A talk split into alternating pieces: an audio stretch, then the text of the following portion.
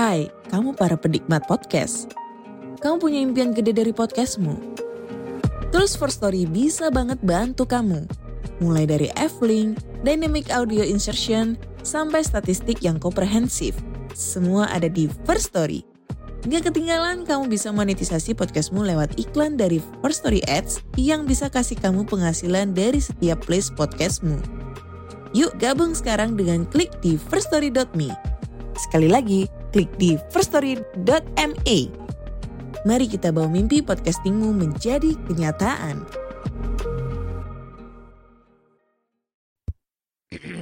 Podcast Network Asia. Lisir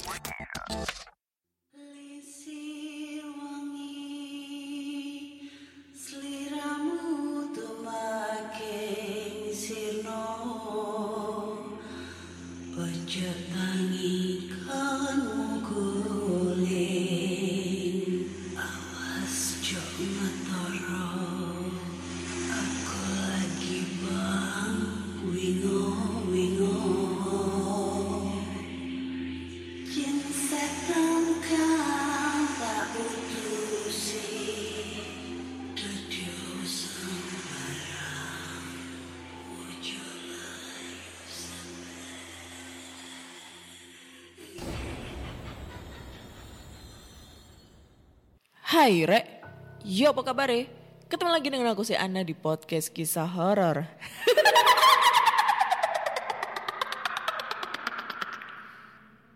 Kita bertemu di episode 180 dan di episode kali ini akan membacakan cerita horor ataupun email berhantu yang sudah dikirimkan teman-teman melalui podcast kisah horor at gmail.com serta Google Form yang lainnya tersedia di bio Instagram podcast kisah horor. Ya, tarik nafas, hembuskan ya.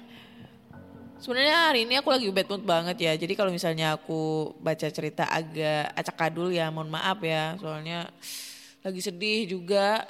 Handphone satu-satunya hilang gitu kan karena apa? eh jatuh di jalan pas naik motor kan handphonenya aku taruh dashboard tuh kebiasaan kalau dengerin musik gitu aku taruh dashboard pas eh, ngelewatin jalan berlubang jatuh handphonenya. Nah pas puter lagi udah nggak ada handphonenya. Cepet anjir raibnya. Langsung diambil orang belakang. Eh, untungnya ada temen nih yang baik hati mau minjemin handphone buat sementara waktu sampai bisa kebeli lagi. Nggak tahu kapan bisa kebeli ya siapa tahu. Ada yang mau endorse handphone gitu murah-murahan nggak apa-apa. Ngemis. Nggak lah. Ya pokoknya sedih gitu. Jadi buat temen-temen nih jangan suka main handphone di jalan ya apalagi pas naik motor. Selain mengundang kejahatan terus habis itu bisa hilang juga selain itu juga bisa ngebuat apa ya eh mencelakakan diri kita sendiri gitu. Pas kita main handphone nggak fokus nggak taunya ada motor di depan mobil di depan terus akhirnya terjadi suatu laka lantas gitu ya kecelakaan. Ya merugikan diri kita sendiri gitu selain merugikan diri kita sendiri juga merugikan orang lain. Tuh ya nggak usah main handphone. Nyampe rumah aja baru main handphone. Terus eh ini juga kemarin aku sempat ngebaca komentar-komentar di channel YouTube-nya di See What I See ya yang pas gua collab sama Mr. Popo. Gila lucu-lucu juga nih komentarnya. banyak yang udah kenal gua. Terus eh apalagi ya? Banyak yang komentar masalah episode-episode pertama di podcast kisah horor gitu ya. Mungkin kalau yang baru dengerin podcast kisah horor di episode pertama itu bakal basi banget karena banyak banget yang hal aku lakuin yang seharusnya nggak dilakuin pada saat rekaman gitu ya. Tapi yang gimana lagi namanya juga pemula cuy. Sampai sekarang juga masih ngebosenin juga podcast gua. Jadi harap maklum gitu ya. Tapi alhamdulillah berkat kalian juga gua udah bisa masuk terus-terusan di top chart Spotify anjay. Nggak pernah out chart. Paling out chart itu eh, dua kali apa tiga kali abis itu masuk lagi. Walaupun cuma walaupun stucknya itu di 200 besar tapi udah bersyukur banget gitu loh. Tanpa kalian gua nggak bisa sampai sejauh itu ya. Thank you, thank you very much. Oke, tanpa berbasa-basi lagi, yuk kita baca-baca cerita horor yang udah masuk di email karena banyak banget nih. Sampai bingung mau baca dari mana, scroll scroll scroll ke bawah itu banyak banget gila. ada juga udah masuk hampir 50 cerita ya. Belum kejaban nih, belum kebaca semua. Langsung aja kita baca ceritanya dan cerita pertama ini datang dari Nih pendengar yang udah beberapa kali kirim cerita nih. Halo Kak Ana, apa kabar? Semoga sehat selalu ya. Aku Wiji, nama samaran yang Kak Ana kasih. Udah lama banget nih gak kirim cerita horor ke podcast Kak Ana. Aku lagi sibuk banget sama kuliah. Tapi aku masih suka dengerin dan nungguin podcast Kak Ana buat nemenin nugas. Ya kadang walau gak tentu hari uploadnya.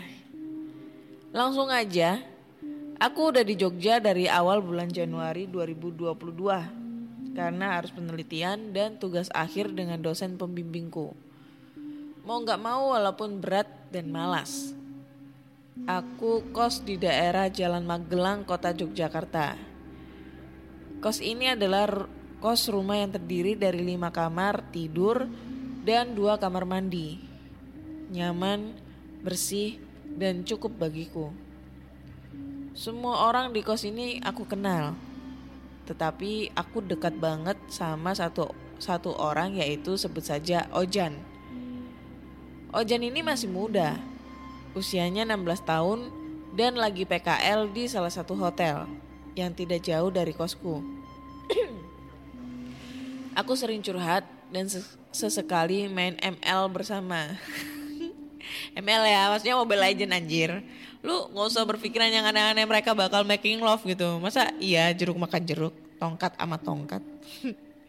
Canda ya Wiji. Kalau sedang jenuh dan ada waktu senggang. Dari bulan Februari sampai sekarang aku sering banget tidur tengah malam. Sekitar jam 2 pagi sampai setengah 3 pagi. Ya karena mengerjakan tugas kuliah, tesis dan aku juga freelance. Mau tidak mau aku korbankan waktu tidurku. Awal aku di kos ini tidak ada yang aneh. Tetapi mulai dikit demi dikit ada saja cerita horor yang aku alami. Aku pun bahkan tidak menyangka malam itu di tanggal 22 Maret 2022 jam eh, 00.55 aku berada di kasurku. Baru saja hendak mau tidur sengaja berhenti lebih cepat karena aku sangat lelah dan badanku sudah tidak enak. Kamar yang aku tempati ini paling depan, dekat dengan ruang tamu yang dipakai untuk parkiran motor atau gerbang kos. Kamarku juga ada kaca dan jendela, bisa buka tutup, yang langsung menghadap ke ruang tamu dan bisa terlihat ke gerbang. Entah mengapa suasana malam itu sangat sepi dan hening. Beda saja suasananya. Dan aku pun merasa sedikit merinding. Semua penghuni kos sudah tidur dan lingkungan kosku juga sudah sepi. Aku selalu mematikan lampu kamar saat tidur dan hanya membiarkan lampu depan rumah yang masuk melalui kaca. Kebetulan kaca di ruang tamu sangat besar dan tidak ada tirai sama sekali. Sehingga cahaya langsung masuk ke ruang tamu depan kamarku. Sebelum tidur aku biasa baca berita, lihat TikTok, Instagram, sekedar hiburan dan apresiasi sebelum tidur. Saat itu aku mendengar suara seseorang yang sedang menyapu. Aku pikir aku halu atau salah dengar. Tetapi suara itu cukup lama dan aku memastikan kalau suara yang aku dengar itu benar-benar suara orang menyapu di depan gerbang kosku. Tetapi aku berpikir siapa orang menyapu jam 00.55 tengah malam.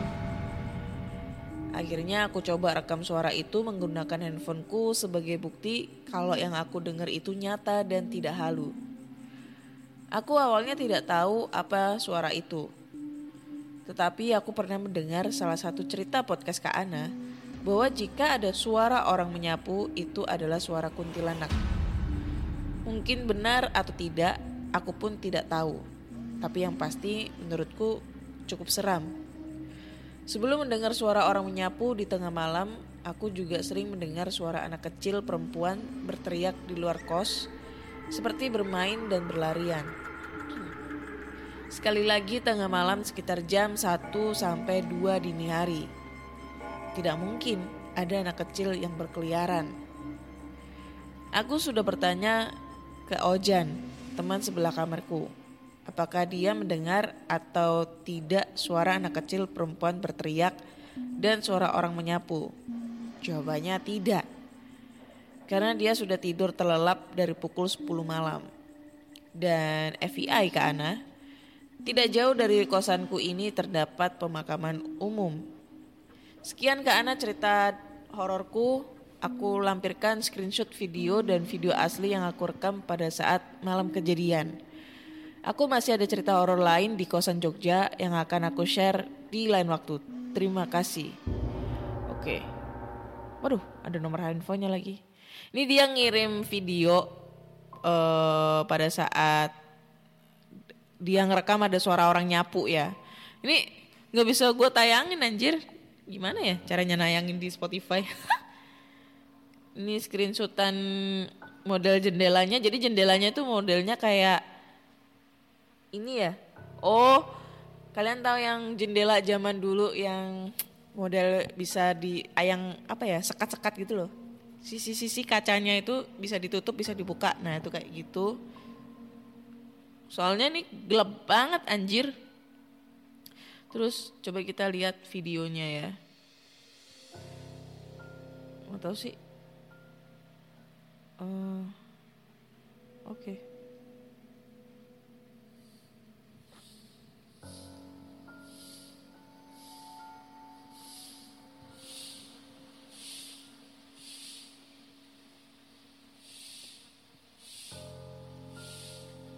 Oh iya. Kedengeran gak sih? Agak agak pelan sih suaranya. Oh, udah full lagi. Jadi intinya dia tuh kayak ngevideo sama kayak gue gitu loh kalau misalnya kayak kemarin ya waktu gue lagi ada yang ada suara ketawa kuntilanak itu jelas banget di kamarku nah dia ngevideoin ini kalau nggak tahu ya kalau tadi udah aku deketin di mikrofon kayaknya agak suaranya samar-samar gitu pelan banget soalnya handphone maklum handphone pinjem ya jadi nggak bisa full eh kedengeran banget kayak orang lagi nyapu. Jadi nyapunya itu pakai sapu lidi. Ini jelas banget. Dan seperti yang dulu-dulu udah banyak banget cerita masuk di eh, podcast kisah horor banyak banget cerita orang yang ngedengerin lagi nyapu tengah malam. Nah, aku nggak tahu sih apa bener orang kalau lagi nyapu tengah malam itu kita lagi ngedenger orang nyapu lagi tengah malam itu tandanya adalah kuntilanak. Kita coba cek, siapa tahu ada artikelnya ya.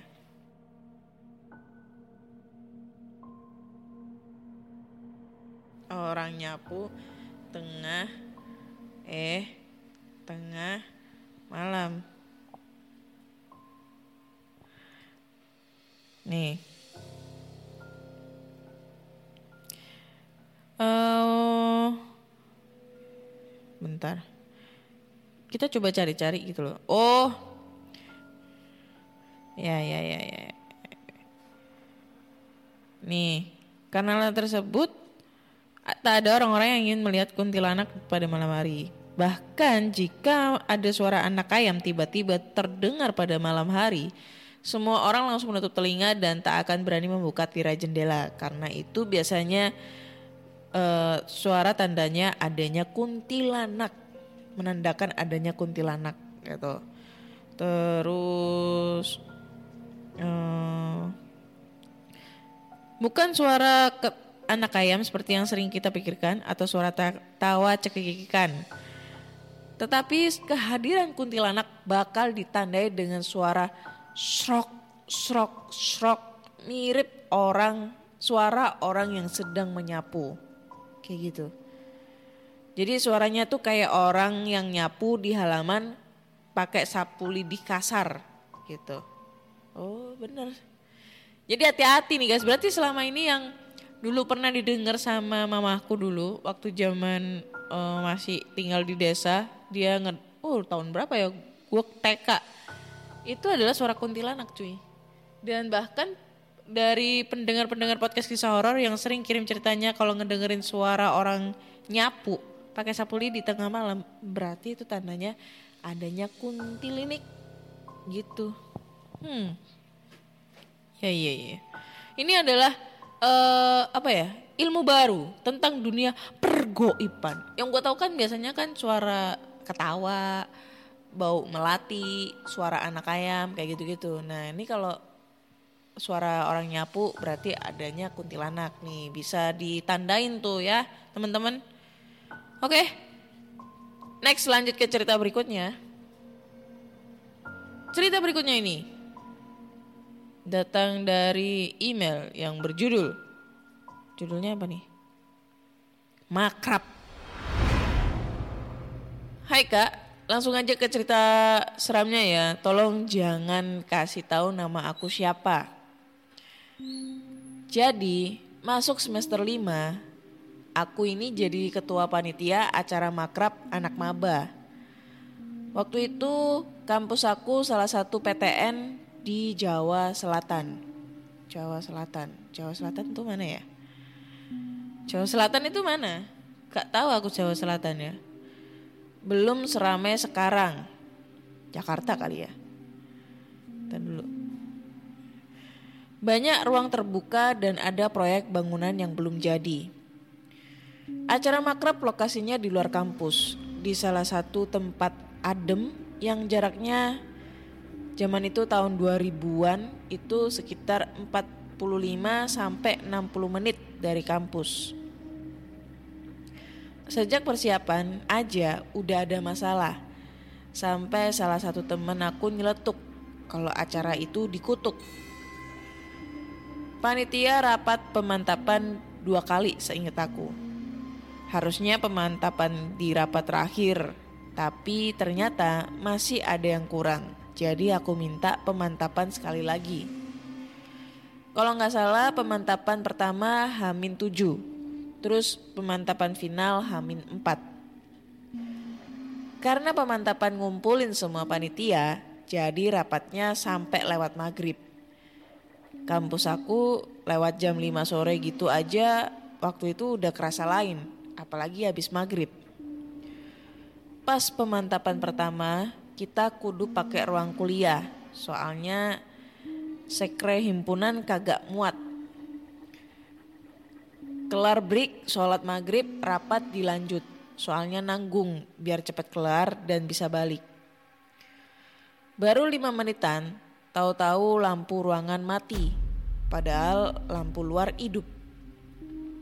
Aku dan satu teman keluar ngotak-ngatik deretan panel MCB di pojok bangunan.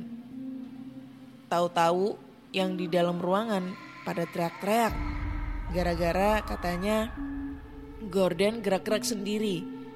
Dan semua yang di dalam ruang itu ngeliat dong. Tokai banget dah. Anjing. Abis sukses nyalain lampu, aku pimpin doa bareng dulu.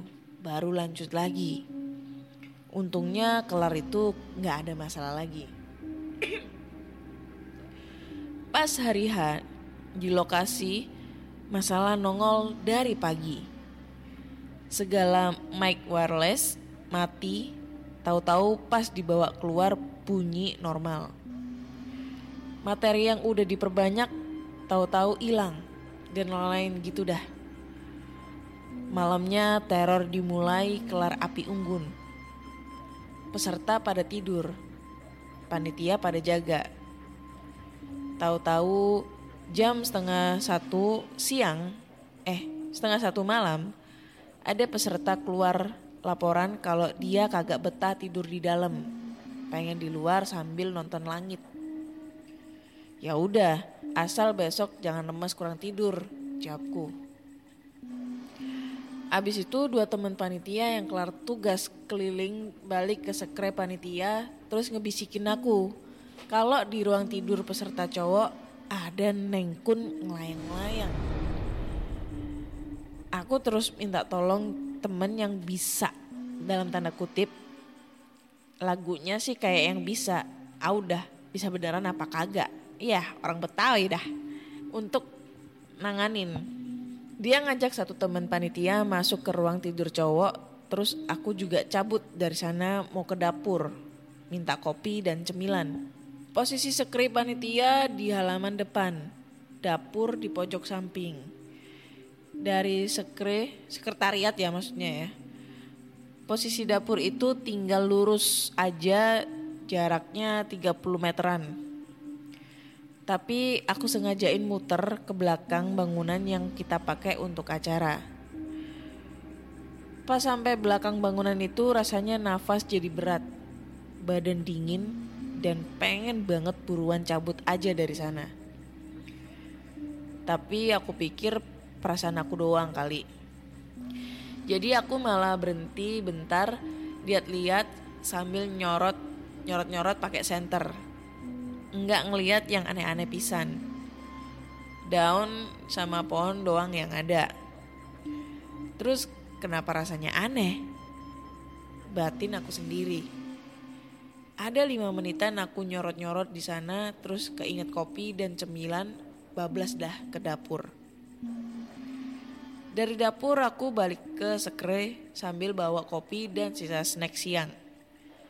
Ternyata teman aku yang bisa dalam tanda kutip tadi udah di sekre juga. Kagak ada apa-apa katanya. Jam 2 malam jadwal gantian tugas jaga. Temen yang udah tidur gantian keliling. Abis keliling ke belakang bangunan terus muter balik ke sekre. Mereka berdua diem diem aja nggak ada omongan sekata apa pun itu. Ini dia bikin apa namanya? Kata-katanya agak aneh, bingung jadinya ngomong apa bacainnya. FBI zaman itu belum musim HP. Jadi kalau acara kumpul gitu ya beneran ngobrol, gitar-gitaran, nyanyi-nyanyi, cerita-cerita, ngakak-ngakak, bukan nge-autis towel-towel gadget.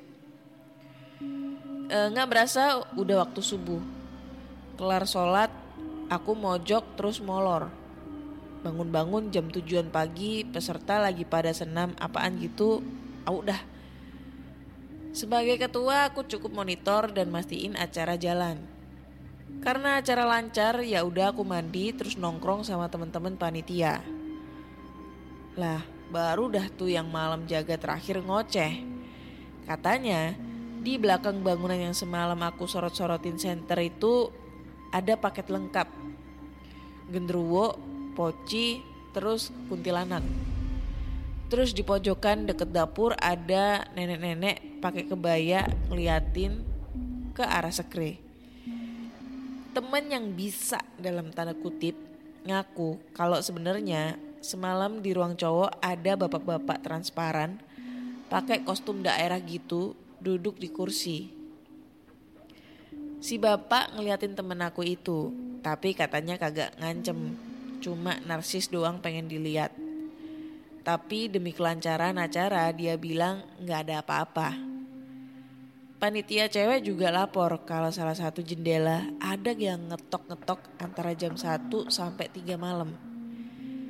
Ketokannya selalu lima ketokan, tapi makin lemah di ujung. Seingat dia, ada tiga kali dia dengar itu ketokan. Jendela itu ngadep ke halaman belakang gedung yang semalam aku senter-senterin. aku nggak bisa lihat, jadi nggak takut. Tapi aku khawatir kalau ada yang kena, terus bikin yang lain panik. Histeris, kesurupan, aduh amit-amit dah. Jadi obrolan mistis aku larang sebelum kita semua keluar dari sana. Biar kata itu udah pagi hampir siang. Untungnya semua lancar sampai sebelum asar kita semua. 25 panitian plus 90-an peserta. Capcus cantik dari sana balik ke kampus plong bener dah. Ya itu udah udah selesai ceritanya ya. Ini jujur gue belibet bacanya ya karena uh, dia bikin kata-katanya buat ini kata-kata artikelnya itu kayak gaya-gayanya sendiri gitu ala Betawi Betawi gitu jadi kayak kurang enak gitu untuk dibahasa Indonesia kan bingung Ya intinya dia cerita tentang pengalaman horornya pada saat ada acara makrab gitu, ada acara ya ospek atau apalah ya di kampus gitu eh, sampai berlarut malam di sana. Terus mungkin mungkin nih ya mungkin pada saat dia nyenter-nyenter di center-center itu penghuninya yang ada di sana itu ngerasa keganggu gitu, silau gitu ya karena senternya dia. Akhirnya pada muncul semua tuh gendruwo katanya pocong, kuntilanak, nenek-nenek, bapak-bapak, adik-adik, kakak-kakak, tante-tante kayak gitu-gitu ya semuanya pada muncul. Ya keganggu sama sorotan cahayanya. Selain itu juga kan karena emang posisinya ada kegiatan gitu tuh ya yang kita seperti kita tahu kan kebanyakan kalau lokasi-lokasi seperti kampus, sekolah, villa, hotel, terus eh, kantor, ya apartemen itu banyak banget penghuninya cuy. Karena emang lokasi itu hanya di jam-jam tertentu aja ditempatin manusia. Selanjutnya ya ditempatin sama mereka lah. Jadi ya wajar kalau horor gitu. Next time tolong ya tolong ini gue mulai mencaci maki orang lagi nih ya. Gue pengen pengen di podcast gue yang sekarang itu agak natural-natural seperti dulu.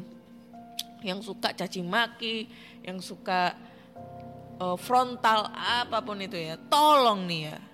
Kalau bikin cerita, kirim cerita, jangan pakai bahasa sana gitu ya. Pakai bahasa Indonesia yang baik supaya saya tuh bisa membaca dengan baik gitu loh. Kalau kayak gini saya pakai ba pakai ngomongin bahasa Betawi, ya kalau ada yang tahu. Kalau nggak ada yang tahu, gimana dong? Ya, tolong, tolong ini. Sekali lagi saya minta tolong ini ya. Tolong. Canda guys. Next, lanjut ke cerita berikutnya. Ini kayaknya cerita terakhir deh. Cerita terakhir ini judulnya adalah Penampakan di Rumah Saat Agustusan.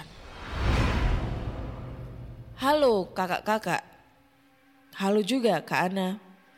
Sebelumnya perkenalkan dulu namaku Celia. Sheila. Aku di sini super duper newbie. Jadi maklum ya kak, kalau misalnya ada kalimat-kalimat aku yang mungkin membingungkan atau mungkin ceritanya kurang serem. Kejadian ini aku alamin sendiri di tahun 2017 dan 2018. Kejadiannya sama-sama di bulan Agustus. Tepat tanggalnya gak jauh dari perayaan Agustusan. Aku tinggal di salah satu desa di Kabupaten Magelang. Magelang lagi. Asal lo tahu ya, kemarin gue habis patah hati sama orang Magelang. Udah itu aja. Dan seperti biasanya di hari peringatan 17-an setiap desa mengadakan berbagai lomba yang pesertanya mulai dari anak kecil hingga ibu-ibu yang turut mengikuti. Seperti kalian ketahui, acaranya meliputi lomba makan kerupuk, balap karung, hingga lomba tarik tambang.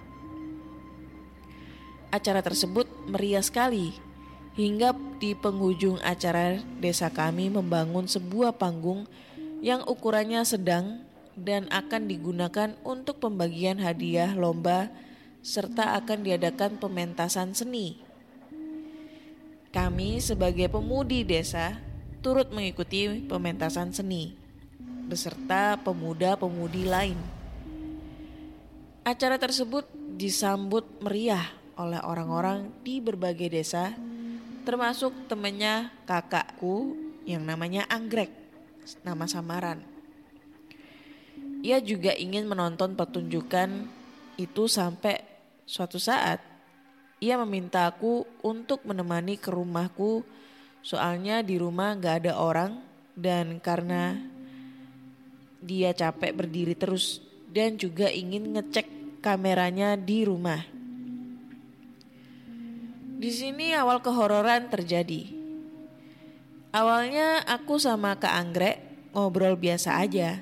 sampai saat ia ngecek DSLR-nya ya dengan iseng-iseng cekrek sana sini. Ketika ia periksa hasil jepretannya, ia sangat terkejut dan langsung manggil aku buat lihat fotonya. Di kamera itu terdapat sebuah gambar yang agak buram, warna backgroundnya putih, dan yang bikin mencengangkan, terdapat sebuah mosok, eh mosok, sosok MG. Makhluk gaib, hanya kepalanya saja dengan rambut yang sangat panjang hingga ke lantai dan mukanya serem abis. Kayak ancur gitu. Tapi itu wajah gak begitu jelas karena fotonya agak blur. Gak mau ambil pusing soalnya di rumah cuman kita berdua dan rumah-rumah tetangga sepi soalnya pada nonton kita putusin buat ngehapus fotonya dan gak cerita ke siapa-siapa. Ya walau ujungnya aku cerita ke ibuku dan beliau gak percaya.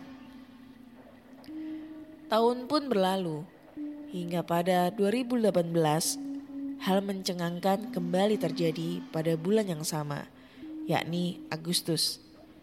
Tapi kejadiannya setelah tanggal 17 atau perayaan Agustusan selesai tepatnya jam setengah satu malam.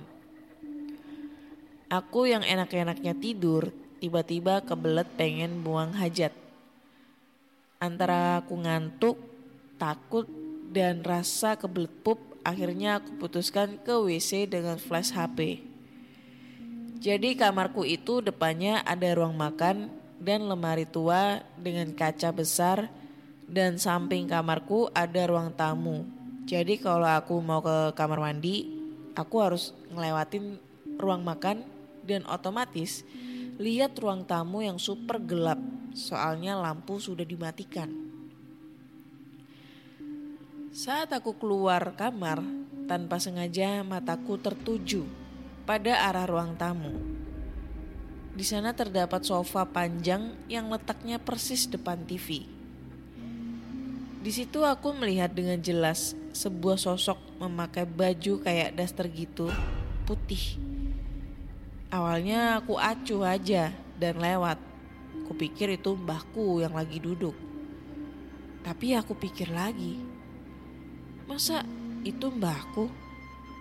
Mbahku kan gak punya baju putih. Bahkan baju daster terus badannya rada besar gitu. Gedenya nggak segede badan wanita normal. Seketika aku mundur lagi buat ngecek. Aku sedikit kaget dengan apa yang aku lihat. Soalnya itu ternyata bukan bahku, tapi makhluk gaib yang sedang duduk diam dan aku perhatiin ternyata nggak ada kepalanya. Kakinya juga nggak ada kayak ngambang gitu. Gegara nih kebeletku buang hajatnya dan muncak memuncak akhirnya aku nggak peduli dengan yang aku lihat barusan. Ah, gimana sih? Dan tetap positif thinking. Begitu aku udah di WC aku baru kepikiran kalau itu jelas-jelas bukan bahku Seketika aku super merinding dan sempat gak berani buat balik ke kamar. Tapi apa daya, akhirnya aku paksain balik ke kamar dan dengan rasa takut aku lihat tuh ruang tamu. Dan tuh makhluk gaib udah ngilang. Aku sempat mikir jangan-jangan tuh makhluk gaib masuk ke kamarku. Soalnya pas aku ke kamar mandi tuh pintu kamar nggak aku tutup biarin ngeplong gitu. Tapi aku berpositif thinking aja, jangan sampai lah. Besoknya aku ceritain kejadian semalam ke ibu dan kakakku. Dan lagi-lagi mereka gak percaya. Semenjak kejadian itu aku sempet parno kalau mau ke kamar mandi tengah malam lagi. Sekian kak cerita yang aku ba eh cerita yang aku ba apa sih? Cerita yang aku kirim ini gagal fokus nih gara-gara kucing.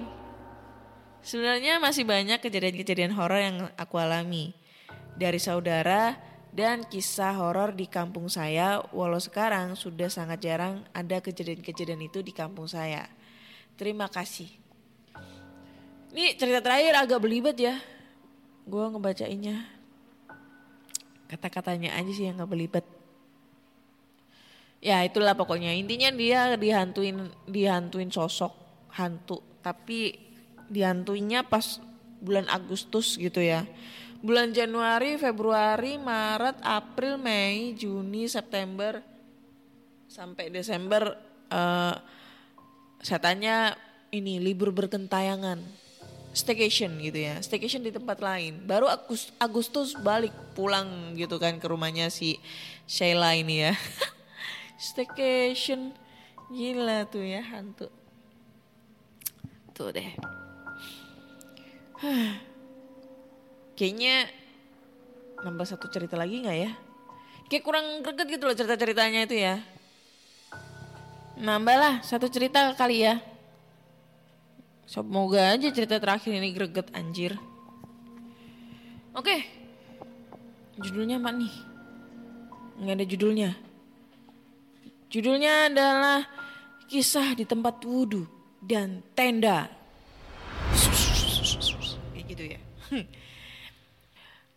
Halo Kak Ana. Kali ini aku mau cerita nih. Begini ceritanya. Rumahku berada di pinggir anak sungai B di Jatim, Brantas. Dulu di belakang rumah aku masih ada kebun apel gitu. Aku punya tetangga yang asalnya dari pulau seberang kali. Rumahnya agak jauh sih, sekitar 100 meter lebih di seberang sungai. Di belakang rumahku, di luar ini ada tempat kora-kora atau orang Jawa biasanya eh, tempat cuci piring dan bahan dapur. Tapi kadang juga sering aku pakai buat wudhu. Nah, pernah suatu ketika aku dibangunin sama bapak buat sholat subuh. Waktu itu subuhnya masih jam setengah empatan lah. Namanya masih SD kelas 3 atau 4 gitu. Kan mulai agak susah disuruh sholat. Aku dengan berat mata keluar rumah ke tempat kerantu. Nah, letak rumah tetangga aku tuh di seberang eh di sebelah utara. Aku baru cuci tangan, kumur, pas sampai bagian membasuh wajah, aku nengok tuh ke utara. Nah, dari arah rumah tetangga aku, aku lihat kayak tangan terbang bawa kresek atau apa gitu, pokoknya bulat-bulat, warnanya terang. Kayak kulit kena lampu. Waktu itu penerangan masih bohlam 5 watt. Sedikit gak ngeh, aku pantengin terus tuh. Sampai lupa gak ngelanjutin wudhu. Aku kucek-kucek mata, masih ada. Secara ya kak, kalau kresek atau plastik terbawa angin tuh terlalu siatemat apa nih siatematis dan juga nggak ada angin dan udaranya tenang. Pas tuh tangan sampai di atas anak sungai berantas, aku sadar dan panik nih kak. Langsung lari ke dalam rumah. Aku cerita ke bapak kalau diliatin tangan itu. Walhasil malah dimarahin, disuruh balik ambil wudhu lagi. Daripada dimarahin dah, aku beranikan diri eh, balik keluar sambil dikit nengok ke utara. Dan udah gak ada apa-apa. Terus cerita kedua, waktu itu aku jadi panitia ospek jurusan. Kegiatan kita lakukan di sebuah coban dekat dengan lokasi pemancar TV di kota ini. Oke, coban, air terjun. Waktu persiapan kegiatan dan pengecekan lokasi ndak ada masalah. Masuk pas acara malam hari, waktu itu aku bagian perlengkapan. Aku bagian perlengkapan.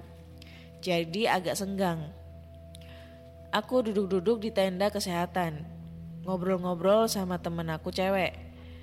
Nah, tiba-tiba dia bilang tuh, ada anak kecil tiga lagi duduk di deket pohon sambil ngeliatin kita.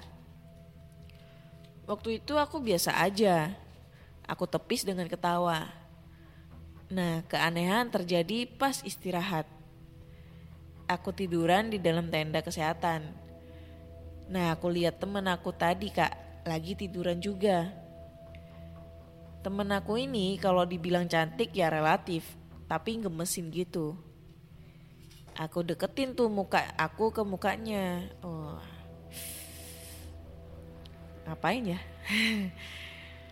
Terus aku cubit-cubit pipinya yang eh, tembem dan gemesin. Tapi anehnya rasanya anyep kak. Aku mah positif aja. Udara di kota ini emang dingin. Nah abis itu aku kebelet, kebelet pipis. Aku pergi dah ke toilet atau kamar mandi yang lokasinya 300 meter dari lokasi tenda. Nah kagetnya, aku lihat temen aku tadi lagi nimbrung sama beberapa panitia di deket parkiran gitu. Aku tanya tuh, lah tadi kayaknya di tenda. Dia jawab kalau dari tadi dia di sekitaran parkiran situ. Aku gak balik dah ke lokasi tenda. Niat iseng-iseng nyari untung malah diisengin. Untung bibir gak jadi nyosor tuh. Sekian dulu kak cerita dari aku yang gak begitu serem. Wah di tenda berdua. Ngapain cup? Ucup. Ngapain lu cup? Coba deh lu cari cari penginapan gitu. Oyo kek red doors kek. Aduh kalau gua sih jujur gua nggak suka oyo traveloka.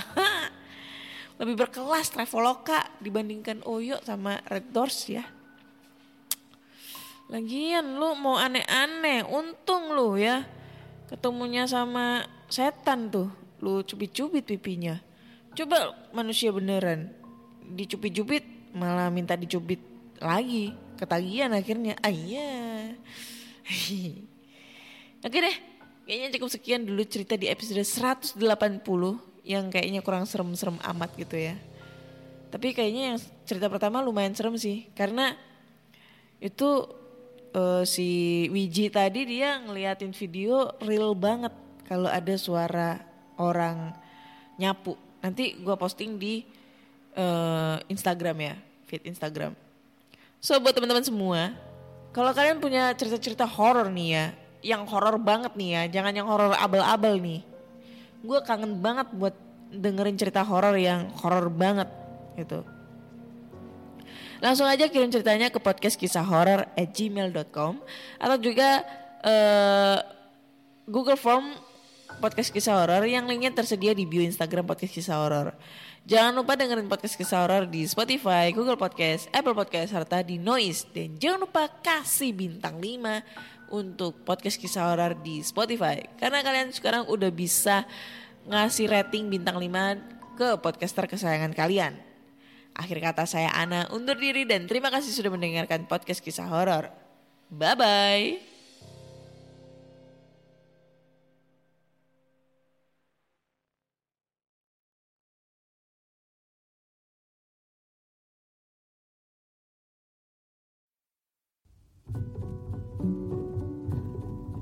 Pandangan dan opini yang disampaikan oleh kreator podcast, host, dan tamu tidak mencerminkan kebijakan resmi dan bagian dari podcast Network Asia.